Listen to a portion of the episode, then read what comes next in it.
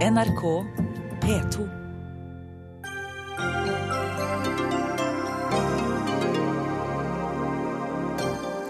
Norge bør gjeninnføre Nansen-pass og hente syriske flyktninger med charterfly. Det mener Mats Gilbert, men Justisdepartementet rister på hodet av forslagene. Folk uten oppholdstillatelse står for en stor del av narkotikasalget i Oslo. Fullstendig uakseptabelt, mener en Frp, som syns de bør utvises øyeblikkelig. Om tre dager avgjøres Norges politiske framtid. Vi oppsummerer valgkampen og ser på regjeringsalternativene, sammen med et knippe av landets fremste kommentatorer.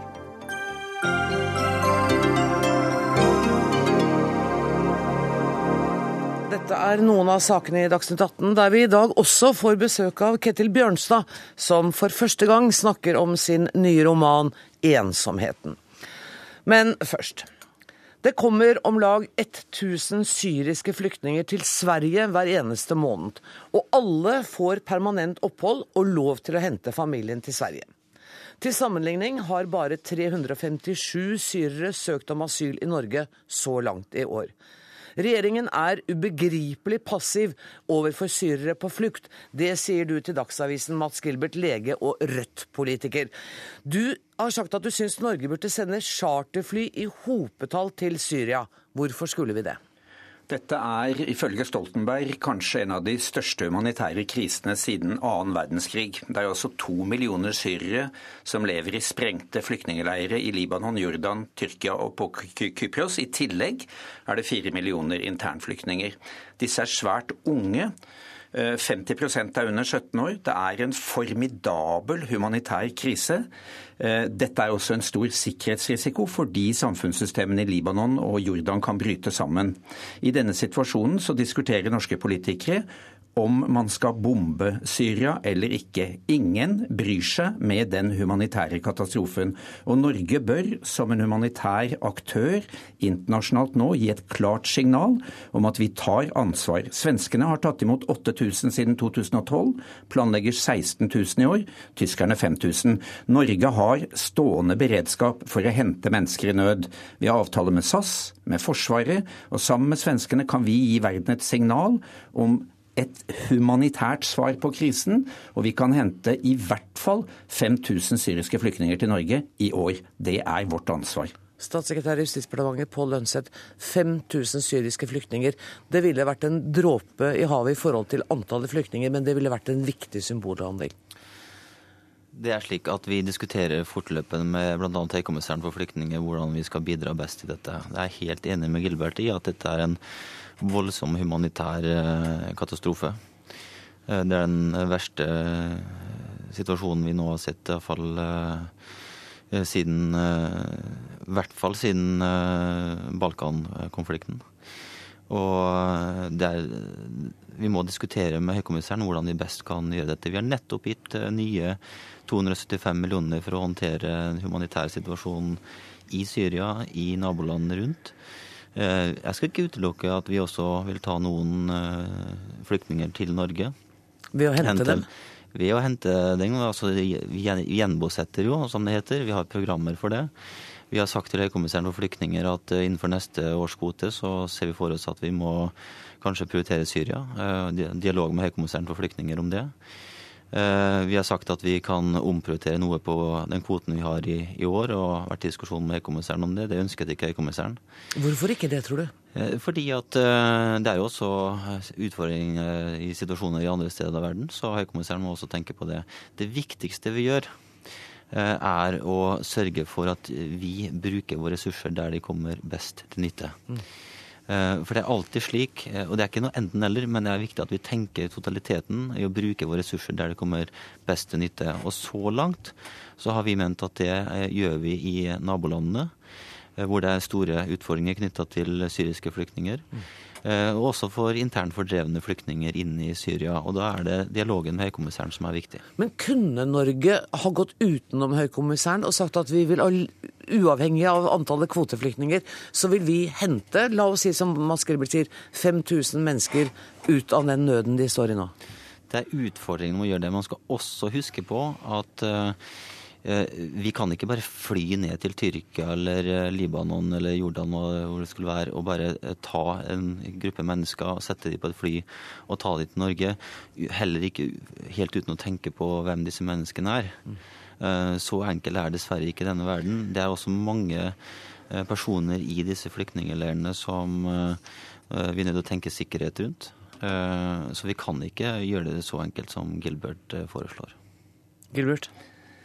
Nei, hadde det vært så enkelt som i byråkratenes hoder, så hadde vi jo kunnet lage fine tallkolonner og enkle byråkratiske vedtak på alle eh, moralske og politiske utfordringer i verden. Nå er det altså sånn at de som flykter over grensen til spesielt Jordan og Libanon nå, de flykter fordi de venter at USA skal bombe eh, Syria. Uh, og Det er det norske politikere uh, nå diskuterer. Om man, liksom skal bombe, om, man skal, om man skal bombe med eller uten FN-mandat. Poenget er og det er viktig å holde fast ved. De menneskene som nå sitter i disse leirene, er altså uskyldige. De er på flukt, de er svært unge. 50% er under 17 år. 38% ifølge FN er under 11 år. Halvparten er kvinner. Eh, og selvfølgelig skal ikke vi dra ned på måfå og gå inn i noen leirer og hente folk. Dette skal selvfølgelig gjøres på en ordentlig måte. Men svenskene klarer altså å ta imot 8000. Norge har tatt imot to.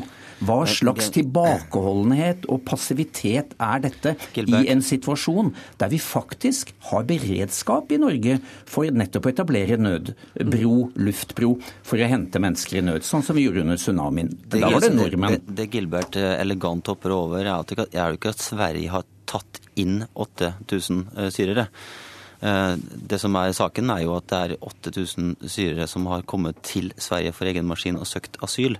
Og så har det kommet et atskillig færre antall til Norge og søkt asyl. Det er ikke noen av våre land i det hele tatt som har tatt disse inn, eh, i den forstand at vi har hentet de.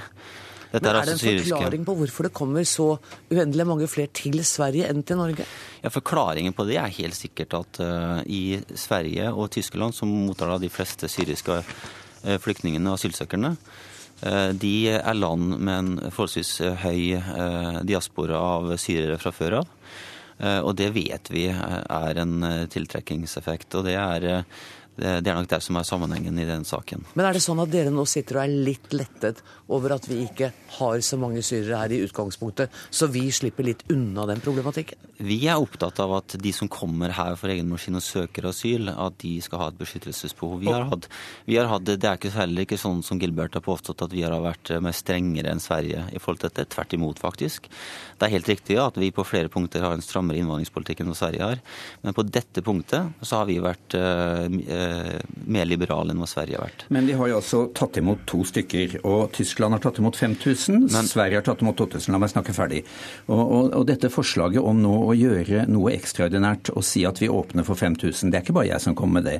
I dag eh, kom Norsk Folkehjelp med akkurat den samme utfordringen til regjeringen.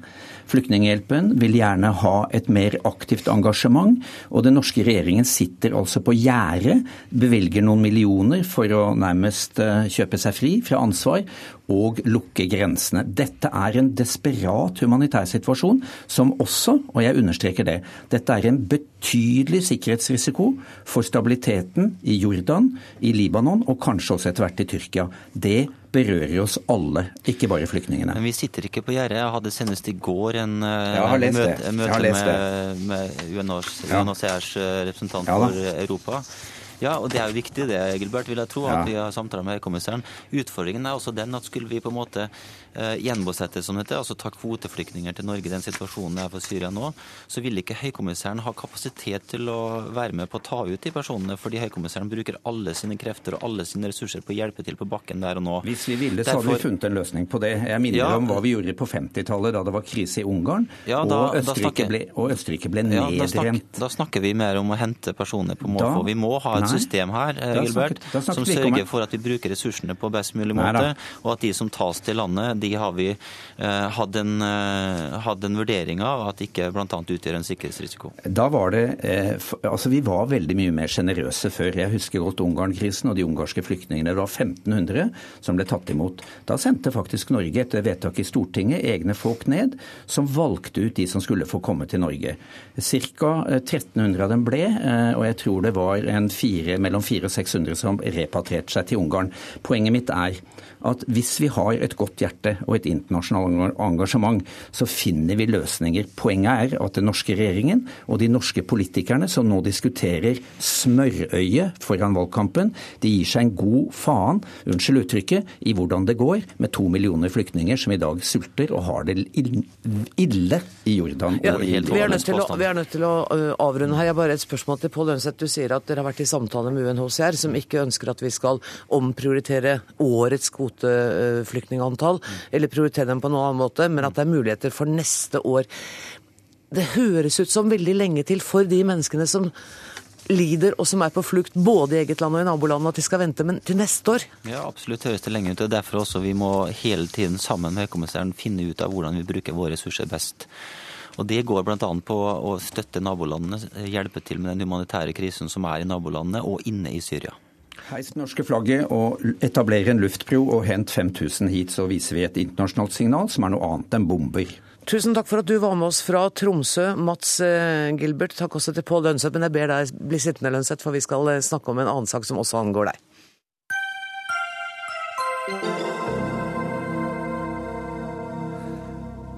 Siden 2011 har minst 350 asylsøkere blitt straffedømt bare i Oslo-området. Det viser en undersøkelse som Aftenposten har gjort. Personer i asylmottak står bak en stor del av narkotikasalget i Oslo, og en del søker også om asyl først når de blir pågrepet av politiet, skrev Aftenposten tidligere denne uka.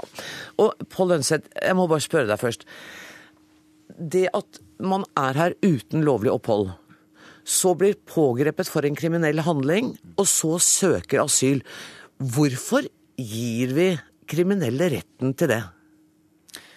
Det som er at det er en rett å søke asyl for de som nå hevder seg forfulgt. Men det er jo det er viktig å huske på at eh, for disse personene så etableres det altså et eh, hurtigsystem som gjør at de, eh, den gruppa det er snakk om, får avslag innen fem dager. Ja, men Bør de i det hele tatt få, få det privilegium å ha den behandlingen, er det jo mange spør seg. Ja, altså Hvis vi skulle uh, lage et system hvor vi nekter noen å søke asyl, så måtte vi altså ha kriterier for hvem som skal få lov til å søke asyl. og Da tror jeg det er like greit å ha et system som uh, behandler disse sakene ekstremt fort. Men hvis du er tatt i en kriminell handling? Sørge for en rask utsendelse. Ja, altså det er uh, det er nok sånn at vi er nødt til å behandle asylsøknader fra de som hevder seg forfulgt. Men det er jo viktig å sørge for at eh, disse får avslag raskt og sendes ut eh, raskest mulig. Ketil Solvik-Olsen, eh, dere i Frp mener at disse bør sendes ut umiddelbart? Altså, dette illustrerer jo problemet, fordi det er riktig at de blir hurtigbehandla først når de blir arrestert for lovbruddet. Men det betyr altså at veldig mange av disse kommer inn til Norge, søker asyl, og så bruker de dessverre asylmottakene som en base for ulovlig virksomhet. Eller de oppholder seg rett og slett ulovlig i landet, og så søker de asyl idet de blir arrestert. Og Det er greit, jeg syns det er bra at vi får en hurtigbehandling, men den burde jo skjedd mye tidligere. Det er jo derfor Fremskrittspartiet har sagt at vi må kunne ha folk som ikke kjenner ID-en til på lukka område, ikke i fengselsceller som blir låst, men på et lukka område, nettopp for å unngå at folk kan komme, misbruke systemet, sette innvandrerpolitikken i vandring og ødelegge for asylinstituttet. Så Vi er jo helt enig i at denne gruppen skal uh, i et lukka uh, fengsel, lukka asylmottak. Det er derfor vi har Trandum, uh, som er et, det eneste lukkede mottaket vi har. Og som vi har utvidet og utvidet kapasiteten til. Og som man sender raskt ut fra. Eh, men det er jo ikke sånn at vi, det står stemplet i pannen på mennesker om de kommer til å begå kriminalitet om en uke, to eller eh, en måned. Eh, vi må jo høre på historien til de som hevder seg for fullt. Vi kan ikke ha det sånn at du ser ut til å være fra et land vi ikke liker, og det er en høy kriminalitet fra det landet, så du får ikke lov å søke asyl. Vi må jo sørge for å ha en rettssikker, troverdig behandling av det. Men de som begår kriminalitet, er helt uakseptabelt. De skal ha avslag, de skal sendes ut så fort som mulig. Jo, men igjen så vrir du debatten til det som ikke er problemet. Problemet er jo at det kommer mange folk til Norge som vi ikke kjenner identiteten på, som dere likevel da lar få lov til å gå fritt rundt i samfunnet. Og Denne serien som Aftenposten har hatt, viser jo hvor stort omfang dette er. Hvor stor belastning dette er for politiets ressurser. Hvor mange av de som er gjengangere. Og det at at de får lov til å gå rundt sånn, og i tillegg at du ser at dette blir et samlingssted for folk som ikke er asylsøkere, men som kommer dit fordi at du har på en måte et arnested. Mm. Det er jo et problem, og dere tar ikke problemstilling nok på alvor. Når dere først sier at det, jo, vi gjør noe med dem når de er blitt arrestert, men når du ser hvor stor frekvensen er, så burde en jo sørge for at en holder disse folkene på et lukka område når de kommer. Når du å- ikke vet hvilken identitet de har har. å, ja, Det er helt feil at vi ikke gjør noe med dette. Dette er noe som vi tar meget alvorlig, for det er helt uakseptabelt. Men hvorfor skjer det da i det, Det er- omfanget de gjør, hvis dere mener dere Vi gjør har noe med det? uttransportert flere tusen kriminelle eh, så langt eh, i- år. Vi har satt en ny rekord i uttransportering av kriminelle i fjor. Eh, Det, settes, det er 20% høyere i år. Vi setter Politiets utlendingsenhet gjennom en strålende jobb. eh, Sender ut flere og flere kriminelle asylsøkere. Det er en jobb som vi bare må fortsette. Eh, Vi har sørget for å returnere helt til opprinnelseslandet istedenfor å bruke Dublin-ordningen på disse. Så det gjør det lettere for, for de å komme tilbake når vi bruker Dublin. Du sender dem rett helt hjem, ikke helt bare hjem. til første asylsøkerland. Mm. Så er vi nødt til å gjøre noe med, som vi har foreslått for Stortinget, som ligger eh, i Stortinget, nemlig å gjøre noe med straffenivået for de som vender tilbake igjen. For det er ikke lov å vende tilbake igjen etter at du har blitt utvist. Men det gjør de. Mange. Ja, en del gjør det. Eh, Og det er eh, ikke akseptabelt. Og hvis jeg har sett eh, behov for å øke strafferammen betydelig, og straffeutmålingen betydelig for de som vender tilbake og bryter et innreiseforbud. Det er jo ikke sånn at dette er noe quick fix på noe. Vi lever i en folkevandringstid. Vi lever i et Europa med stor sosial uro. Det vil komme kriminelle elementer til Norge som vi skal sende ut eh, så fort som mulig. Eh, Men altså, hadde ikke vi gjort den jobben vi hadde gjort, så hadde problemet vært eh, mye større enn det er i dag. Men det er ikke til å underslå at det fortsatt er et problem som vi skal jobbe iherdig med videre. Og dere vil ikke ha flere lukkede asylmottak? Vi vil ha lukkede asylmottak. Vi kan godt diskutere kapasiteten på Trandum og utvidelse av kapasiteten på Trandum, for det er helt uakseptabelt enn det de, disse her driver med. Eh, Så for denne gruppen vil vi ha lukkede mottak. Men det er helt meningsløst å skulle internere si, 9000 mennesker i året fordi de ikke hadde pass når de kom. Noen av de kommer fra land som ikke produserer pass. Noen av de kommer fra som faktisk har vært på flukt, og som eh, det er ikke grunnlag for å øh, klandre for at de ikke har eh, ID-papirer på seg. Å skulle internere disse eh, kanskje 9000 mennesker, eh, det er en, det er en eh, interneringspolitikk som jeg håper vi aldri får se. Nå er det jo sånn at alle disse folkene får et sted å bo, som er på uh, ting som minner om en leir, men de har altså fri inn- og utreise. og Det gjør jo at det som du kaller lukka med mottak, det er jo først noe som oppstår etter de har blitt dømt og skal ut av landet. Men du vil ha det før. ja, fordi at inntil du vet hvem de er Men altså, da er det inntil 9000 mennesker vi snakker om. Nei, da, men. Poenget er at Hvis du får en hurtigbehandling av alle asylsøkere Det er jo rart at disse kan hurtigbehandle noen på fem dager, men, mens andre sitter der i veldig lang tid. Hvis du får en rart. hurtigbehandling, så vil det ikke være 9000 stykk som sitter til enhver tid og venter på behandling. Du kan gjøre dette raskere. Jeg Hvor- tror det krever større byråkrati. Og større byråkrati og hurtigbehandle de. Det, det, 9000 mennesker. At jeg tror vi trenger ja, noen I en overgangsfase Ja. så må du absolutt det, Ja. for all del. Men Ja. derfor må du òg gjøre endringer på lovverket. Men, men poenget er at Aftenposten sin artikkel sier jo at verken politi, domstol eller andre myndigheter i Norge fører statistikk over omfanget av kriminalitet. Nå tok du mitt neste spørsmål til Lønseth. Hvorfor gjøres ikke det? Vi fører statistikk over kriminalitet. Ja, hvorfor måtte Aftenposten gjøre det? Altså, det føres ikke eh, en statistikk over omfanget av kriminalitet begått av asylsøkere. Nei, vi registrerer vel ikke hvilken personkategori du hører eh, under når du eh, begår kriminalitet. Men er det helt uinteressant? Eh, Nei, det kan godt være at vi er nødt til å gjøre noe med det, men, eh, men poenget er jo at vi eh, behandler kriminelle som kriminelle uansett hvor de kommer fra. Og er de utenlandske kriminelle, så skal de ut. Eh, og vi skal ha gode systemer og bruke ressurser på det.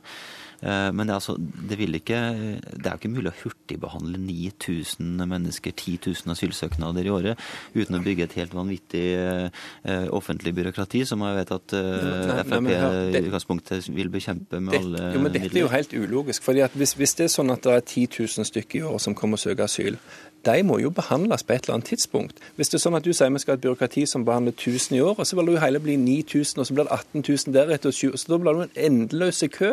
Så du må jo ha et byråkrati som er i stand til å behandle den tilstrømmingen som kommer. Så dette, dette motargumentet det er, det jo ingen, nei, men det er jo ingen logisk så Mener du at byråkratiet i Norge ikke skal være i stand til å behandle den asylstrømmen som kommer?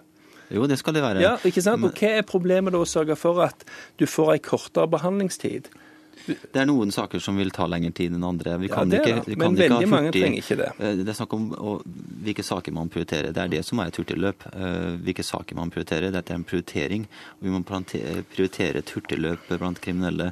Det er, ikke, det er ingen prioritering Olsen, hvis du skal prioritere alle, alle 9000 som måtte komme, eller 10 000 som måtte komme. Nei, da har, du, da har du høy effektivitet, og det er jo det ja, vi må så, så. Og så er det jo sånn at uh, Frp har jo gjennom år, riktignok ikke siste alternative statsbudsjettet, bygd ned drastisk både UDI og, og Utlendingsnemnda. Sånn at det henger jo ikke helt sammen, dette her. Jo, det henger jo sammen. fordi at vi får, sier jo også når du får færre ankemuligheter, så trenger du ikke ha like mange folk som behandler ankeprosessen. og Derfor kan du kutte i det. Samtidig så sier vi at du skal stramme inn på asyltilstrammingen. Vi så jo at når Bondevik I-regjeringen begynte å ha en mer liberal tone i dette, så økte asyltilstrømmingen til Norge. Tonen du har, sender et signal til hvem som kommer hit. De som er reelt på flukt, de vil fortsatt komme, det er jeg ganske trygg på. Men denne gjengen her som vi snakker om, altså nigerianere f.eks., som er dessverre overrepresentert så det holder på kriminalstatistikken, de vil jo få et annet signal og vil slutte å komme. Av de 1630 som ble tvangsutsendt, som du nevner, hver sjette hadde jo i løpet av den tida rukket å blitt straffedømt for kriminalitet. Og Det viser bare at dere har altfor liberal holdning, altfor naiv holdning i forhold til hvordan dere håndterer denne gruppe folk som ikke vet hvem er når de kommer til landet. Men Lønset, Det er litt interessant for deg å sitte i dette studio en gang bli beskyldt for å ikke sende ut uh, mange nok, når du stort sett sitter her ja, og, og blir beskyldt for å sende ut altfor mange. Ja, Den forrige runden så tok vi imot for få, og nå sender vi ut for, uh, for få. Sånn, mm. sånn, er det. Jo, men når det, når, når det viser men, igjen på kriminalitetsstatistikken, så er det noe som er feil, og det er det som men er problemet. Men det innrømmer du vel også? Gjør du ikke det? Det jo, er noe gærent? Selvfølgelig er det gærent at noen kommer hit og utnytter asylinstituttet og begår kriminalitet, og det er vi helt enige om, og det er helt uakseptabelt. Eh, og vi jobber jo iherdig med eh, å gjøre noe med det, og vi har veldig gode resultater på utsendelse. Vi har aldri sendt ut så mange kriminelle for dette landet som vi gjør i dag. Ikke under noen regjering har vi gjort det.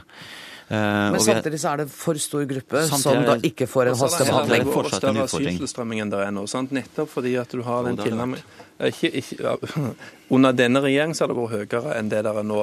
Men problemet er jo, problemet er jo samtidig at antallet folk som får lov til å gå fritt, som er ikke identifisert, som er en gjengang hos politiet, de får altså lov til å vedvare under dagens system fordi at dere ikke vil ha strengere kontroll på hvor de oppholder seg inntil asylsøknaden har blitt behandla. Tusen takk for at dere kom, Ketil Solvik-Olsen og Pål Lønseth.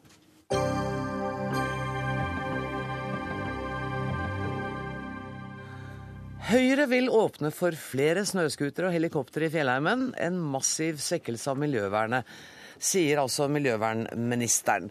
Ehm, med Høyre i regjering kan det nemlig bli lettere å bygge i strandsonen. Kjøre med snøscooter i utmark. Tilsidesette naturmangfoldsloven i byggesaker. Og Nikolai Astrup, miljøpolitisk talsmann i Høyre. Hvorfor er det så viktig for dere å myke opp gjeldende regler på dette området? Altså, la meg først understreke at Vi er selvfølgelig veldig opptatt av å ta vare på det biologiske mangfoldet i Norge. Vi eh, har ikke noe ønske om å reversere naturmangfoldloven på noen måte, men vi ønsker å eh, sikre at, for, at eh, måten den forvaltes på, er i tråd med si, balanserer de hensynene som både er naturmangfold, men også er et moderne samfunns behov. En liten dette, innsnevring er dere vel for? Men Dette er jo i og for seg noe som Bård Vegar Solhjell bør være godt kjent med. fordi Han har jo akkurat sagt ja til å bygge en 420 kV strømledning gjennom et naturreservat, som er det strengeste form for vern vi har. Slik at eh, han er kjent med det dilemmaet som Eh, er mellom det moderne samfunnet på den ene siden og hensyn til biologisk mangfold på den andre. Så La oss ta, sier... Kan vi ikke ta det strømlendinga litt etterpå? For Jeg leste partiprogrammet, leste noe av det i dag, eh, hvor det står at Høyre vil sitat, tillate virksomhet i vernede områder så lenge dette ikke går ut over verneverdiene. Tillate virksomhet? Eh, tillate virksomhet i vernede områder så lenge dette ikke går ut over verneverdiene. Ja, altså det, det vi er opptatt av, er jo f.eks. Eh, og dette gjøres jo i dag. altså I nasjonalparker f.eks. så okay. har man jo åpnet for kommersiell turisme. Uh, og Det var jo noe som Børge Brende gjorde i sin tid, fordi at det er fornuftig at vi tar disse naturverdiene i bruk uten at det strider mot uh, verneverdiene.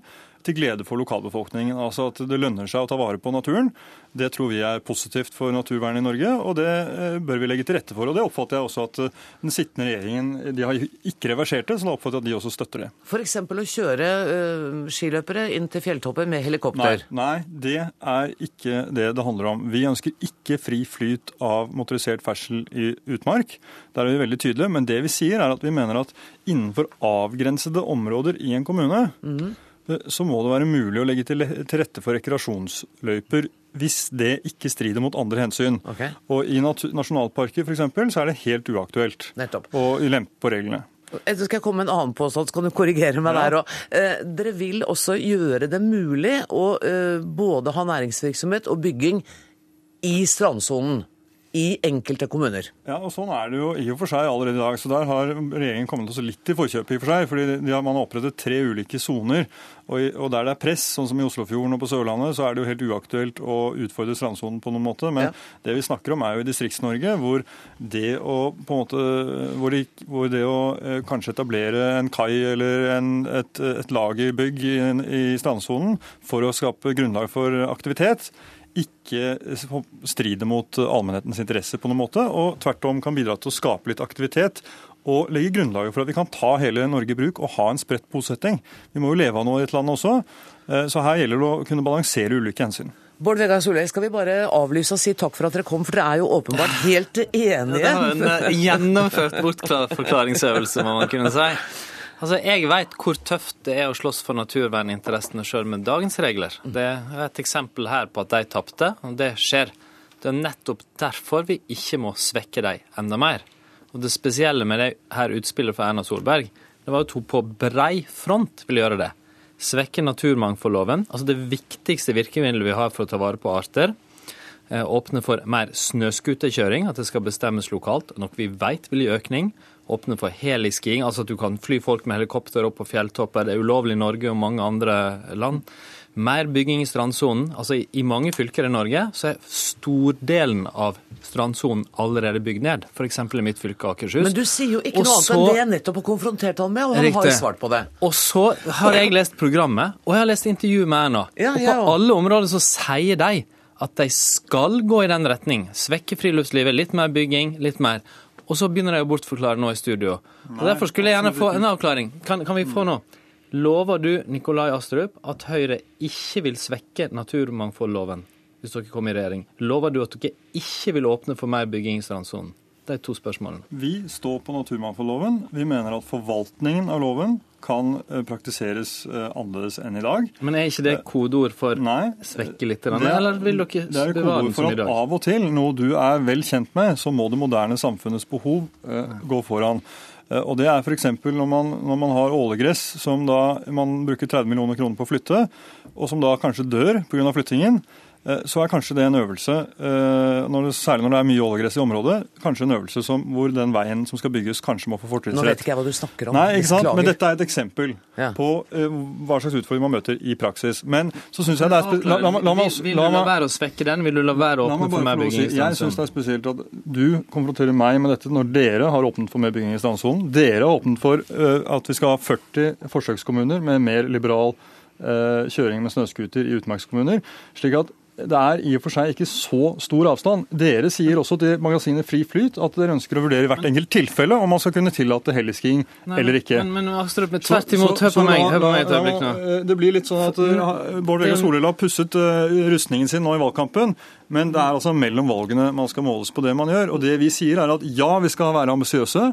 Ja, vi skal stille, strenge krav, vi skal ta vare på naturen, vi skal balansere ulike hensyn.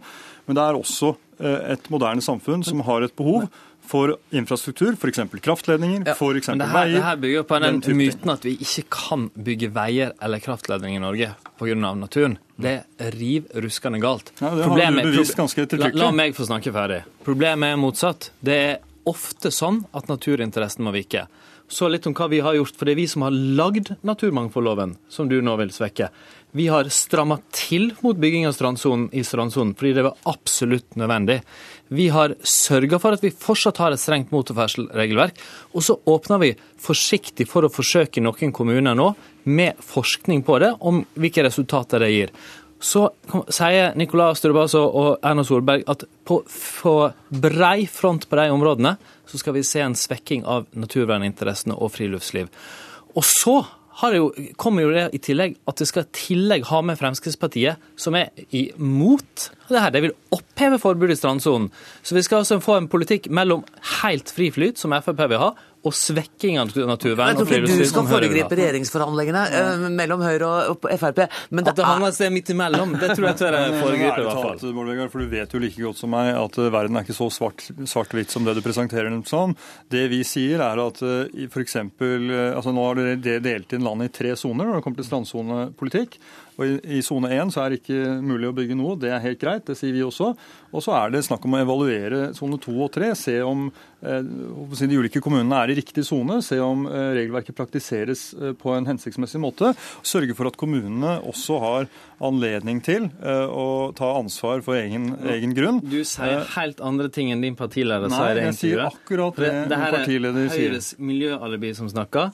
Mens hvis man drar rundt omkring i landet og møter Høyre-folk, eller leser intervjuet med Erna Solberg, så ser man f.eks. brukt opp formuleringa om naturmangfoldloven. Den er et stort hinder. Mm. Og hvis noe er et stort hinder, så vet man hvilken hva man har tenkt å gjøre med det. Og hun sier at det må da være mulig å bygge litt mer i strandsonen. Det, det, det som Les intervjuet, vil jeg anbefale leserne. Mm. Så ser det også en politiker som på brei front har tenkt å svekke naturvern og friluftsliv litt. Åpne for helikopter i fjellheimen, kjøre opp eh, skiløpere litt. Den typen ting som er mot den norske friluftstradisjonen, og som vil svekke vår mulighet til å ta vare på naturen vår, som allerede er ganske pressa. Men Astrup, og dere har jo også sagt at dere vil redusere bemanningen i Miljøverndepartementet, f.eks. fjerne planavdelingen i Miljøverndepartementet og legge det over til Kommunaldepartementet. Mm. Det er vel også et symptom på at dere har tenkt å gjøre noe med innsatsen på miljøvern? Ja, vi har tenkt å styrke den. Ved å fjerne bruke... 50 stillinger der? Nei, altså vi skal jo flytte stillingene, ikke fjerne dem. Fjerne fra Miljøverndepartementet, da. viss forskjell på det, da. Fordi de skal jo fortsatt gjøre den jobben de gjør, de skal bare sitte i et annet departement. Eh, så, så det vil jeg si er en viss forskjell. Og så ser vi at, det, eh, at byråkratiet har jo, eh, har jo mer enn doblet seg under Bård Vegar Solhjell. Men dessverre ser vi at bevilgningene til miljøvern der ute, som f.eks. å rydde opp i miljøgifter, der er jo bevilgningen kuttet med to tredjedeler mellom 2010 og 2013. Ikke sant? Sånn at eh, Vi ønsker å prioritere miljøvern der ute, der hvor det gjør en forskjell. Eh, og så vil vi eh, se om vi kan gjøre ting annerledes og mer effektivt i forvaltningen. Du må okay. stå for din egen politikk. Vi har, vi har, økt bevilgningene til miljøvern med 140% Så foreslår de å kutte i tilsvarende 150 stillinger i Miljødirektoratet i Norge. Det er, det er mennesker som jobber med rovdyr, tar vare på naturen vår. De foreslår også å flytte fra Miljøverndepartementet en uke. Og alt som folk syns er slitsomt. Men det er klart, alle forstår at kutter du kraftig i de som jobber med miljøvern, så blir det iallfall ikke bedre miljøvern av det. Men, men det er det det du gjør, for de skal bare jobbe i et annet departement. Vet du hva, jeg er dessverre nødt til å sette strek. Kan ikke dere tilbringe fredagskvelden sammen og så rydde opp i dette her? Tusen takk, tusen takk for at dere kom, eh, Nikolai Astrup og Bård Vegar Solhjell. Hør Dagsnytt 18 når du vil, på nettradio eller som podkast. nrk.no – dagsnytt 18.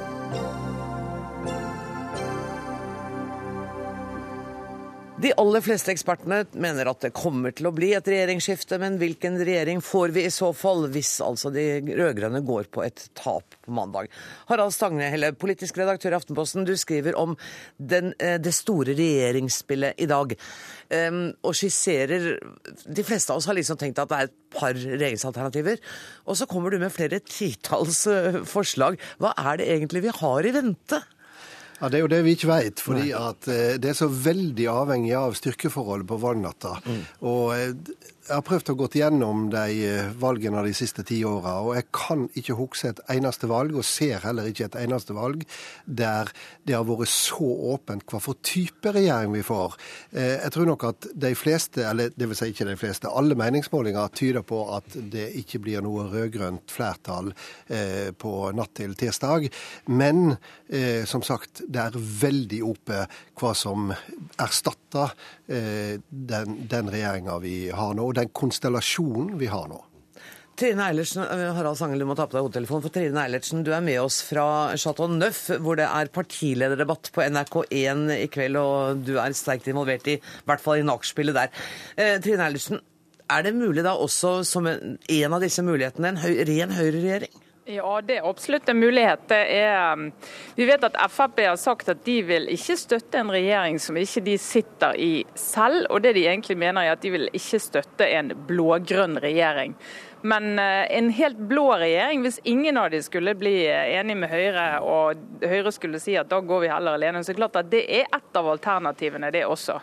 Men hvordan uh, har argumentet om borgerlig kaos virket uh, i dette valget?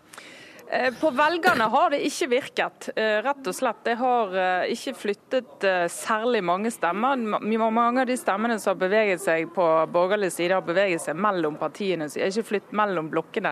Så det er klart at det at de har vært så standhaftig på budskapet om at blir det flertall, borgerlig flertall, så blir det en ny regjering, samme hvordan den ser ut, det har jo, det har jo sildret inn hos velgerne på et eller annet vis. Trine, du er en travel dame nå. Jeg vet at du skal være med i et annet program også. Kan ikke du bare fort si litt om eh, nervene, stemningen foran den store partilederdebatten i kveld? Ja, det er, det er, jo eh, kjempeanspent, egentlig. Sant? Det er jo høye skuldre i, i, alle. Du bare ser Rådgiverne begynner snart å komme, og vi vet hvordan de ser ut eh, når det er mye står på spill. Og vi vet at da er humøret vanskelig, vanskelig å få dem til å le, for å si det sånn. Ja. Men uh, det er viktig, viktig kveld for, uh, for, flere. Ikke først og fremst for uh, Jens og Erna, men for en del av alle de andre er det en ganske avgjørende kveld. Tusen takk for at du tok deg tid til å være med oss eh, litt. Også Marie Simonsen, politisk redaktør i Dagbladet. Eh, disse småpartiene, er det denne kvelden viktigst for dem? Det er enormt viktig. Eh, nå ser det ut som dette skremselet fra sperregrensen, at de fleste er fri av den. Mm. Men, men det er likevel, for et parti som SV f.eks., så er disse debattene kan være helt avgjørende. De kjemper jo bl.a. med Miljøpartiet De Grønne om, eh, om, velgere. Og Miljøpartiet De Grønne stiller eh, i kveld, og, og de skal møtes direkte. Så, så, det er ikke noe særlig stort press på Audun Lysbakken der, ja. Og de har Eh, SV er jo også et parti som, eh, hvor det viser seg at, eh, at, mange velgere er usikre. De går frem og tilbake. Så selv om de nå ser ut til å være klar av sperregrensen, så er det en stor andel som, som ikke er, har bestemt seg helt. Men du, hvor, hvor sterkt føler Frp-presset? For det er klart at hvis de skulle havne på det laveste, jeg ser at det har variert litt sånn mellom 13 mm. og 20% Hvis det går liksom ned mot 13, så er jo ikke det noen ideell posisjon for dem? eller? Veldig. Eh, de snakker mye om eh, kjøttvekta, at det er helt avgjørende for hva som kommer til å skje etter valget. Men, men, jeg eh, tror jo ikke så mye på det. Jeg ser at mange spekulerer i at Siv Jensen da ikke vil gå inn i regjering fordi hun er redd for å gå i SV-fella og sånn. Jeg tror når det kommer til stykket, så er lysten på makt, lysten til å komme inn i regjering, et historisk øyeblikk både for Siv Jensen og partiet, størst. Frank Aarebrot, eh, det har vært mye diskusjon om dette med å stemme taktisk. Eh, kommer nordmenn til å gjøre det i noe særlig grad? Altså, det er jo et sånn typisk fenomen der som det ofte er mye mer snakk om ja. enn eh, realitet. For det virker så logisk. Og da har jeg gjort som vane å se på overgangsmatrisen og så se om det er et parti som ikke har noen grunn til å miste velgere til et annet parti, og der det andre partiet trenger velgere, og se om den overgangen er større enn hva man med rimelighet kunne forvente. Og det er veldig lite spor av det i disse overgangsmatrisene, med ett mulig unntak. Det kan være et svakt spor av, eh, av, eh, av høyrefolk som stemmer Venstre. Ja. Det er litt for stor overgang mellom, eh, mellom høyre og venstre i forhold til hva som er rimelig å forklare. Men ikke sånn at det vil ekstreme utslag på noen? Nei, men det var jo faktisk slik at ved valget i 2005 så var det en viktig årsak til den borgerlige valgnederlaget at disse sivilingeniørene nede i Vestfold eller hva for noe som satte denne SMS-kampanjen om at gode høyrefolk stemmer Venstre, de var så opptatt av å redde Sponheim. Og da byttet jo de, sånn som vår valgordning fungerer, så byttet jo de en haug med høyre andremandater som er veldig billige, med dyre venstre utjevningsmandater. Slik at for når tre Høyre-mandater forsvant, så fikk de to venstremandater tilbake.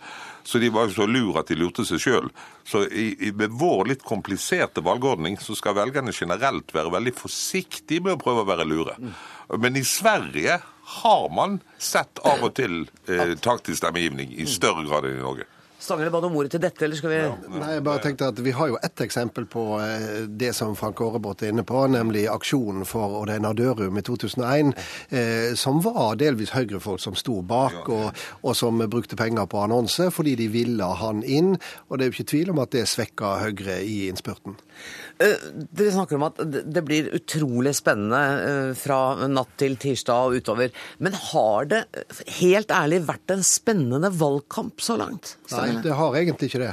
Eh, og det har vært en litt sånn skuffende valgkamp, fordi at den begynte ganske godt og ganske friskt, eh, men så er den blitt veldig fragmentert. Eh, og nå er ikke det noe nytt fenomen. Vi, har vel, vi sa vel det samme for fire år siden, hvis jeg skal være helt ærlig. Men Arbeiderpartiet la jo opp til nærmest en systemskiftevalgkamp. At det var nå det store retningsvalget for framtida skulle gjøres. Det er på en måte blitt eh, devaluert og redusert til en debatt om hvem som er best på drift. Og for å eh, snakke i klarspråk, både Erna Solberg og Jens Stoltenberg er jo bedre når de snakker om drift enn når de snakker om visjoner. Ja, og ideologi. Det, det som kanskje har vært eh, litt overraskende i dette valget, er jo at eh, jeg hadde trodd at det skulle bli mye mer fokus på Fremskrittspartiet og det historiske sjansen for at de skulle komme inn i regjering. Men i stedet så var det jo slik at Høyre lå så eh, suverent ved inngangen til eh, valgkampen at det ble Erna og Høyre som alle skulle ta. Så eh, hun har jo til og med også fått det fra Frp og Venstre og KrF, og Arbeiderpartiet har tatt de. Så alt fokus har vært på Høyre og Erna Solberg, mens Siv Jensen har fått lov til å, sno seg litt i skyggen av det. Hvis du tar utgangspunkt i et fenomen som jeg har sett veldig ofte når vi snakker om skuffelse og glede, om, man går med høye eller lave kneløft inn i forhandlingene etter et valg, så er det ofte en ting vi bommer på. For i denne fasen er vi og mange, de fleste velgere veldig fokusert på meningsmålingene. Liksom Klarer SV sperregrensen? Liksom, eh, vil Fremskrittspartiet kunne få 15% osv.? Men det jeg har merket meg, er jo liksom at når valgsendingen begynner på valgdagen, så får du valgdagsmålingen eller valgmålingen, eller hva du skal kalle det for, når de sier pling. Og så har vi en halvtime der vi diskuterer den. Og så er det plutselig noe no, Det skyldes tabellene. Når SSB-tallene kommer, så sammenlignes det plutselig med 2009. Og, eller, og da er det 2009-tallet. Så Det er liksom ikke lenger eh, den eh, økningen fra 13 til 15% Nei, det er nedgangen fra 22 til 15 som da ble Og, når vi nærmer oss den avsluttede partilederdebatten på valgnatten, så snakker alle bare om Statistisk sentralbyrå-referansen, og ikke til valg... Sånn at man må være klar over at selv om etter min mening eh, til og med 13 ville være et 13,6 eller 5 ville være et moderat godt Frp-resultat, Mm, ja, så vil det likevel fremstå som veldig skuffende når man skifter referanseramme umerkelig i løpet av valgnatten. Var det eh, et lurt grep av eh, Stoltenberg på landsmøtet å si at det var ikke hans jobb å være spennende? Det tror jeg kanskje alle visste fra før.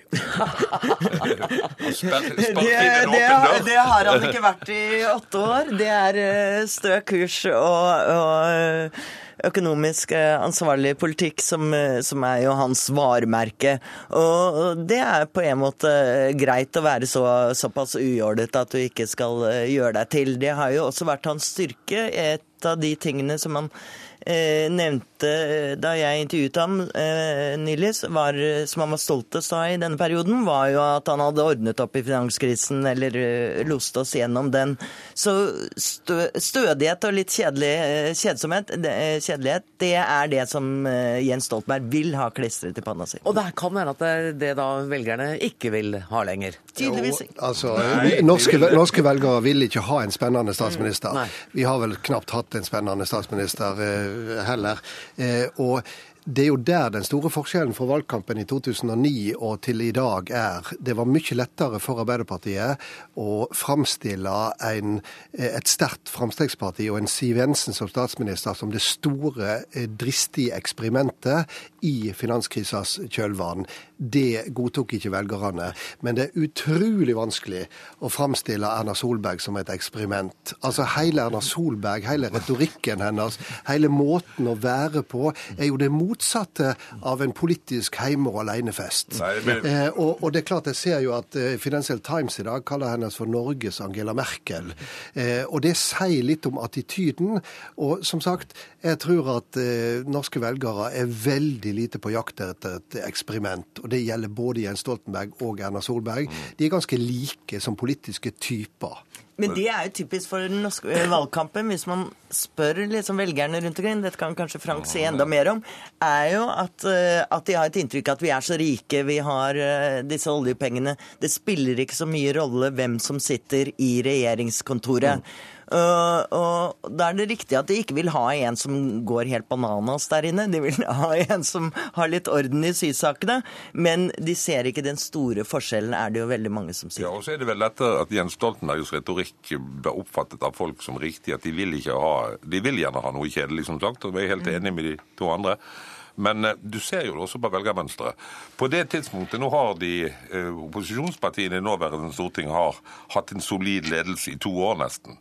Men i det øyeblikket du begynner å få alle disse meningsmålingene med Høyre og Frp alene, så ser vi med en gang nei, er det det vi vil ha? Vil vi virkelig ha alle disse forandringene? Og så ser vi at det begynner å gå til sentrumspartiene. Altså Du har vel også at budskapet med å ha noe kjedelig, det er jo egentlig det samme som Stanghelle sier her. At, at, at Erna Solberg virker ikke attraktiv, men eh, virker ikke eksperimenterende. Men Siv Jensen kan virke litt eksperimenterende, og da er det kanskje best å gå til Skei Grande, og hun virker i hvert fall ikke eksperimenterende. Det er, jo- det er jo utrolig at vi har en, vi har en valgkamp hvor eh, den kommende statsministeren antagelig eh, selger seg inn på at det går kjempebra i Norge, men vi kan gjøre det litt bedre. Litt bedre er liksom uttrykket det brukes.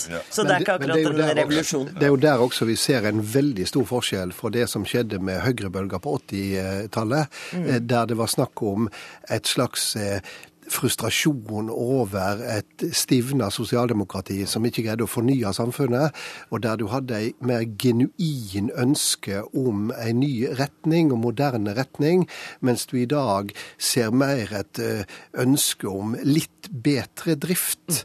Eh, Og det er også det Høyre eh, selger seg inn på. De selger seg jo ikke inn på at nå kommer det store systemskiftet. Og det gjør jo kanskje også at, at vi vanlige velgere syns at denne valgkampen er litt fargeløs. Ja, men du må være klar over at det er jo velgere vant til. altså... Nei, du, i 80-tallet, da var det jo litt futt og fart. Det husker jeg da Det husker jeg. Det Ja, var, det var 7-Eleven åpent etter klokken fem. Jo, jo, må, må du huske på, og Det er jo det som er interessant med rammebetingelsene. Altså, Når du tenker på Bratteli-Borten Bratteli la frem, foreslo folketrygden, og Borten gjennomførte den. Det var ikke noen revolusjon. Men det som skjer, er at den regjeringen der folk virkelig har merket det, det er en regjering som mer eller mindre tilfeldig kom på plass som en ren høyreregjering pga. at Kristelig Folkeparti nektet å gå inn i regjeringen og danne grunnlaget pga. abortloven. Og de to første årene da Kåre Willoch, det er vel den regjeringen der folk flest, nettopp som du sier, har merket endring. Og da er jeg litt lurer på, hvis nå utfallet av forhandlingene skulle bli slik at ett av Stangehelles elleve alternativer, nemlig den rene høyreregjeringen, kommer til makten, så kan det jo tenkes at Jern-Erna dukker opp igjen, og at kanskje man ser vel kanskje den regjeringen som vil gi størst mulighet til endring. Fordi at hvis den samarbeider med alle mulige partier i Stortinget for å få ting til, så kan den jo faktisk tenkes at altså, ingen av de borgerlige koalisjonsregjeringene har akkurat vært revolusjonære. Jeg vil ikke si at Willochs første to år var det heller, men vi merket kanskje mer forskjell den gangen enn i noen annen borgerlig regjering. Men da var samfunnet modent for den endringa, og det er vel det vi i dag ser, at vi ser ikke noe underliggende press for et nytt eh, system. Selv om jeg tror at definitivt eh, politikken vil lagt en del grader til høyre, men vi vil kjenne igjen vårt eget samfunn. Men nå nevnt, nå glemmer du debatten om sykehuskøene og soningskøene. Det ligner jo på debatten om at butikkene må være åpne lenger. Egentlig er jo lengden på butikkers åpningstid mindre alvorlig enn pasientkøer. Nei da, det ligner ikke, det ligner ikke på hverandre, Frank, fordi at, at der er målet til den sittende regjering og målet til opposisjonen den samme. Men det sier jo også alt at det, det som vi har snakket mest om i denne valgkampen, er handlingsregelen. Ja. At, vi ikke, at vi må passe på å ikke bruke for mye penger. Så vi har Tror det dere det, det blir stor valgoppslutning? Jeg håper inderlig det. Over 600 000 mennesker har forhånd- forhåndsstemt. Ja, det sier det, litt? og det, og det, men det er nok også fordi at tilgjengeligheten på forhåndsstemme mm. og denne høytideligheten ved å gå på valgdagen og stemme akkurat da, den er nok i ferd med å få tapt... eh, fortape seg eh, en del. Men jeg håper inderlig at det blir stor oppslutning, og jeg håper inderlig at mange unge går til stemmeurnene. Jeg ønsker dere et riktig godt valg og sier tusen takk for at dere kom til Dagsnytt eh, 18. Takk til Harald Stanghelle, takk til Frank Aarbrot og takk til Marie Simonsen.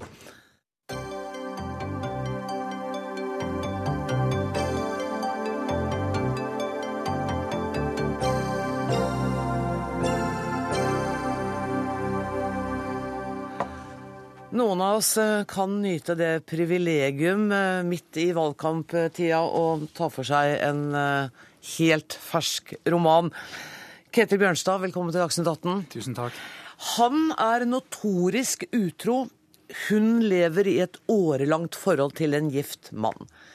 'Ensomheten' heter romanen, og den lanseres til uka. Det er første gang du snakker om den akkurat nå.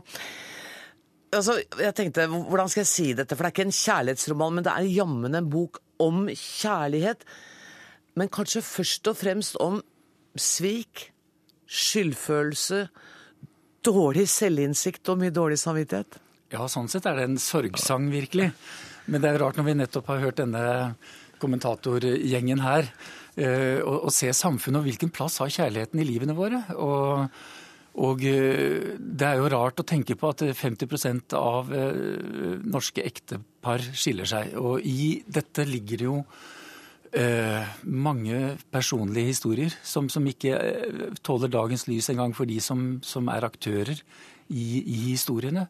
Så, så jeg, jeg tenkte at det som vi alle lengter etter, er harmoni, er trygghet, å kunne støtte hverandre, elske hverandre.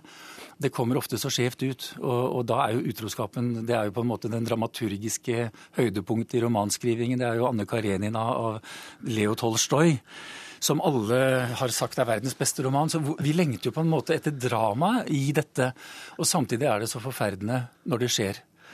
Ja, Men du beskriver jo også en mann hvor det, liksom, hvor det nesten ikke er noe drama. Han er bare noto, en notorisk horebukk. Ja, han er, han er, jo rett og slett det. En, en rundbrenner, en horebukk. Og mye finere ord. Rundbrenner ja, er mye finere. Ja. ja, men jo da, han er jo det, faktisk. Ja. Og, og, han er jo en person som, som, faktisk jeg tror noen av oss kjenner, og har sett i hvert fall i, i, i selskapsliv og, og, lagt merke til. Han er jo en anstendig mann i utgangspunktet. Han er en mann som spiller i et av våre aller beste symfoniorkestre. Og han, han, gruer seg til å spille fader Jakob i Malers første symfoni om en uke. Så han vet at det vanskeligste en bassist kan gjøre, er det aller enkleste. Å spille det enkle temaet ja. som vi alle har sunget. Ja, Og så er han kastet ut hjemmefra nærmest med to plastposer, sånn som også en del mennesker har erfart. Og, og, og på en måte må, må, må, revurdere sitt liv og tenke på hva i all verden gjorde jeg i disse årene? Og hvorfor tenkte jeg ikke over hva jeg gjorde da? Det er jo hans store problem.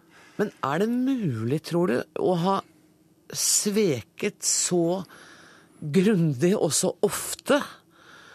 Og på en måte reise seg igjen og, og gjenvinne noe selvrespekt? Det er, jo, det er, jo, et godt spørsmål. Og jeg tenker på når, når seksualiteten når helt inn til det ovale rommet i Washington og får de konsekvensene det får der, hva er vi villige til å gjøre i, i, i situasjoner? Hva, hva, er det som skal til for, for, at vi faktisk begynner å tenke de tankene, at, at vi gjør noe som er forpliktende? At, at, vi, at vi, må tenke gjennom uh, også det som vi gjør på impuls. Og, og, akkurat det å ha, på en måte utvikle denne karakteren her, det, det, det var jo, om ikke morsomt, så i hvert fall veldig interessant for meg, må jeg si. Så ja, det, ja. Føltes det nærgående å skulle gå så innpå en som som begår dette sviket gang på gang, og uten i og for seg noen moralsk anfektelse ved det? Ja, alltid nærgående. Når, når du skaper en romanfigur som, okay. som, dette, så er det det. Men samtidig så er det nærgående å ta henne også, da. Hun som er det motsatsen. Hun er Susanne. fiolinisten i orkesteret.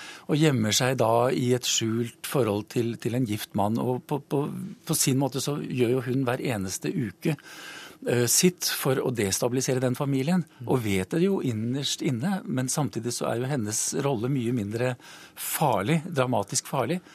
Uh, tror man da, inntil et visst punkt i ja, jeg, fortellingen. Da jeg begynte å lese, så så, så jeg på Susanne Wasser som, som offeret, på en måte. Den kvinnen som, uh, som, sitter og venter. Han har lovet at han skal gå fra konen sin. Hun, dette er hennes livs kjærlighet.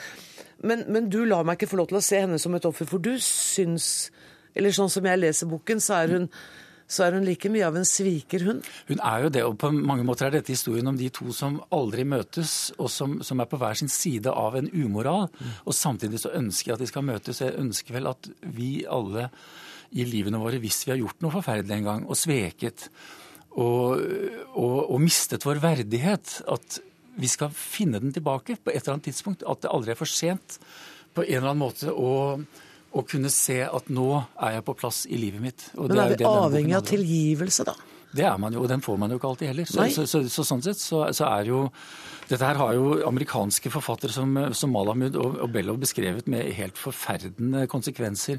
Og, og jeg, synes Du er beskremmende måte- belest, skjønner du. Jeg har ikke Nei lest da. noe av det der. Nei, men det, altså, dette, er, det, dette er jo ting som, som, som, som, som ligger i, i det å leve et liv. Det, det er det jo, og, og det ser vi jo. Det vet jo helt sikkert du. Og i, altså, i vår bekjentskapskrets så er det mange, mange turbulente rom. Det er det jo. Og, og samtidig så, så, så er det jo Vi må tenke gjennom hva vil vi med kjærligheten, og, og, og når er det vi, vi føler at vi faktisk har rett til å svikte de som, som har gitt oss mest tillit. Og det er jo det som hele denne boken handler om. Men den, er, men den kjærligheten som, som Oskar har til eh, kona og til ungene sine, mens han da notorisk ligger med andre damer helt uh, ustoppelig. Og, og den, det, der, det jo, handler jo mye om sex, dette her, da. Ja da. Og, og, Er den mannlige driften så helt ja, sjuk? Det, det er den jo av og til, tror jeg. men, men samtidig så sier det fullstendig stopp et tidspunkt for ham. ikke sant? Han flytter da til, til den samme leiegården hvor, hvor, hvor hun holder på med, med sin mann, og samtidig så er han jo ikke i nærheten av en kvinne etter det. For at når han har skjønt hva han har gjort, så, så blir han på en måte kastrert. Og så kommer han jo ikke i gang igjen med livet sitt. Da gjemmer han seg jo, da, da blir han på en måte en, en total eh, ja, gjemt øh, person som, som, som ikke har noe livskraft tilbake. Og det, det, det syns jeg Det, det unner jeg ham ikke, kan, kan jeg, må jeg si. Så jeg har jo lyst til at det skal føres frem til noe. Eh, Det er jo på en måte en lysstråle mot slutten av boka, uten at vi skal, at vi skal røpe det altfor mye. Men, men Susanne er jo også, du beskriver jo den der ensomheten. En enslig kvinne, mangeårig forhold til en gift mann, en, en intellektuell, um, som er litt kjent, mye fascinerende med han, mens det, hennes hverdag og privatliv består av katta og en fiolin. Det er, nettopp. Men det er jo også det rare. Hva, hva er det vi skjuler, og hvordan er våre hverdager? Og det som er besnærende for meg, er at disse to faktisk hver eneste torsdag og fredag i Filharmonien møtes i ett og samme uttrykk, og det er person, det er musikk. De skal begge spille Richard Strauss, de skal begge spille Gustav Mahler, og de skal begge hjelpe hverandre frem til noe som vi alle syns er skjønt og vakkert. Og det er vakkert, det, syns jeg. Det, det, det, har jo, det, det, er liksom, det, det er tilbake til juleoratoriet til, til Tunstrøm. Nå strør jeg om meg med verdensberømte er, forfatternavn. ja. Ja, men likevel, dette, dette her, at, eh, dette koret, menneskene som, som ønsker å skape noe, og så er jo hverdagen allikevel tilsynelatende hendelsesløse og små. Kjenner du på det noen gang når du går på en, som pianist og på en konsertscene du skal spille dine egne verk, på den avstanden som er mellom det private og Ja, det enorme strekket. Er det det? Ja, men Det er jo kunstens store gave til oss. At den, at den hever oss opp. Og uansett, egentlig, når du ser disse forferdelige skjebnene blant kunstnere, hvor, hvilke elendige liv de har levd. Tenk på, på, på Schubert, som hadde Ja. et eneste forhold og fikk syfilis. Ja. Og, og, levde da og, og, og på den måten så, så, så er på en måte dimensjonen i livet det vi heller ikke må glemme, og, som jeg kjemper egentlig for i denne boken, at vi heller ikke skal glemme. For du er ikke noen moralist i denne boka? For det var jeg også litt redd for, at du liksom skulle si at, at det var en sånn pekefinger, for det, er det ikke. Nei, det håper jeg da virkelig ikke. Man står jo eh, sammen med sine hovedpersoner, gjør man ikke det da? I hvert fall, jo, det, det gjør man til siste side. Um, hvert kapittel eh, har, har en tittel hentet fra musikken. Uh, har du tenkt at det kan virke ekskluderende på leseren, hvis du ikke kan alle de derre Ja, men jeg håper ikke det. Jeg bruker ord som allegro andante. Og Andante, affettuoso. Ja, ikke sant. Men vi vet jo at eh, OK, med følelse Altså Dette er jo det språket som musikere er i. Rett og slett, Vi har fått tredd det nedover hodet. Det er jo like uforståelig som økonomenes språk. Vi skjønner jo ikke alltid eh, det. Men samtidig er det en ramme da, som, som, som jeg syns skal, at vi skal være i musikken. Vi skal være i dette orkesteret, vi skal være i, i disse rommene som de har skapt. Og i de klangene du gir oss. Tusen takk for at du kom, Ketil Bjørnstad. Vet du hva, det er fredag, og det er siste varianten av Dagsnytt 18 i dag. Jeg skal bare helt til slutt eh, denne uka si at det var Dag Dørum som var ansvarlig for sendinga. Det tekniske ansvaret har Lisbeth Sellreite. Jeg heter Anne Grosvold. Takk for nå.